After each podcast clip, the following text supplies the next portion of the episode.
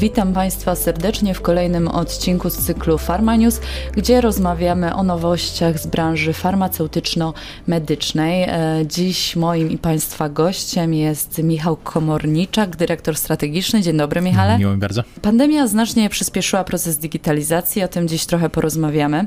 A do zadań Narodowego Funduszu Zdrowia należy finansowanie informatyzacji e, świadczeniodawców. Latem tego roku prezes NFZ wydał e, zarządzenie dotyczące takich dofinansowań.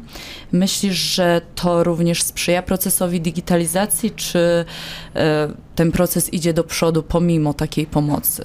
Zdecydowanie tak, zdecydowanie tak, natomiast e, jest to, jest to proces, który się dzieje. E, pandemia zdecydowanie przyspieszyła proces digitalizacji, także tego typu inicjatywy jak najbardziej pomocne, ale jest to, jest to kropla w morzu potrzeb tak naprawdę. Mhm.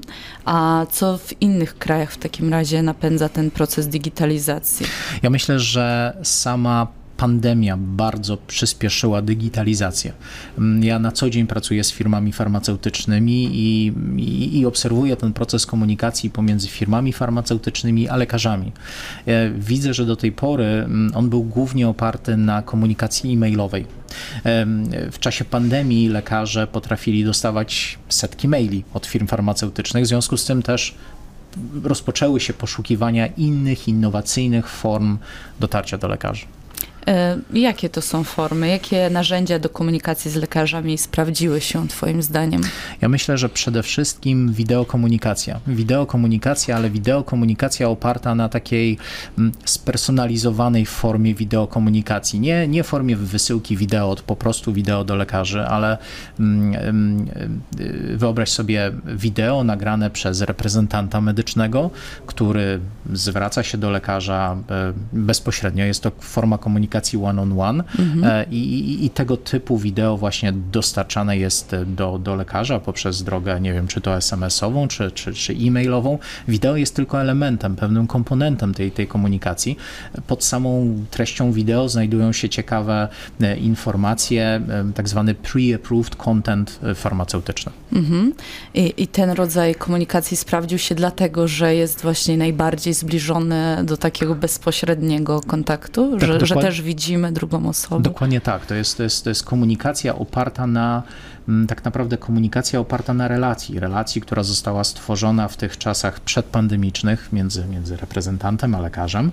Mm, y, relacja, która przez pandemię tak naprawdę no ta, ta możliwość kontaktu face to face została ograniczona, mm, w niektórych krajach zupełnie zatrzymana, tak jak to miało miejsce w Polsce. Mhm. Także tak, jest to, jest, to, jest, to, jest to forma y, y, przeniesienia tej relacji w świat digitalowy.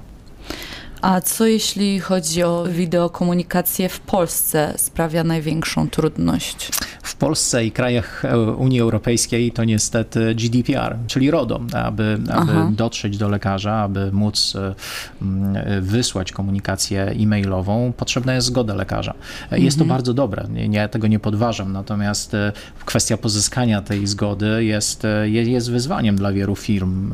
Przekonanie lekarza do tego, aby podzielił się czy to adresem mailowym, czy też, czy też swoim własnym prywatnym numerem komórkowym. E, jest to wyzwanie. Myślisz, że są kraje, od których moglibyśmy się jeszcze czegoś nauczyć w tej kwestii? wszyscy gdzieś e, jesteśmy do siebie podobni. To podejście było bardzo podobne. Firmy szukały nowych, innowacyjnych form, kanałów dotarcia do lekarzy.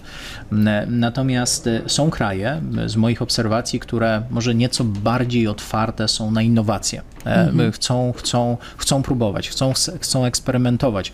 Nie ukrywam, że wideokomunikacja, wiadomość wideo wysłana reprezentanta do lekarza jest swego formą, swego rodzaju formą innowacji nie wszystkie kraje są na to otwarte. Słyszymy, że ta wideokomunikacja jest bardzo cenna w dobie pandemii, a, a co myślisz, że będzie po pandemii? Wydaje mi się, że mm, świat popandemiczny nigdy nie wróci do, do, do status, do, do sytuacji, która miała miejsce przed, e, przed pandemią. E, przed pandemią relacje i komunikacja między firmami farmaceutycznymi a lekarzami była głównie oparta na, na spotkaniach face to face, spotkaniach on-site.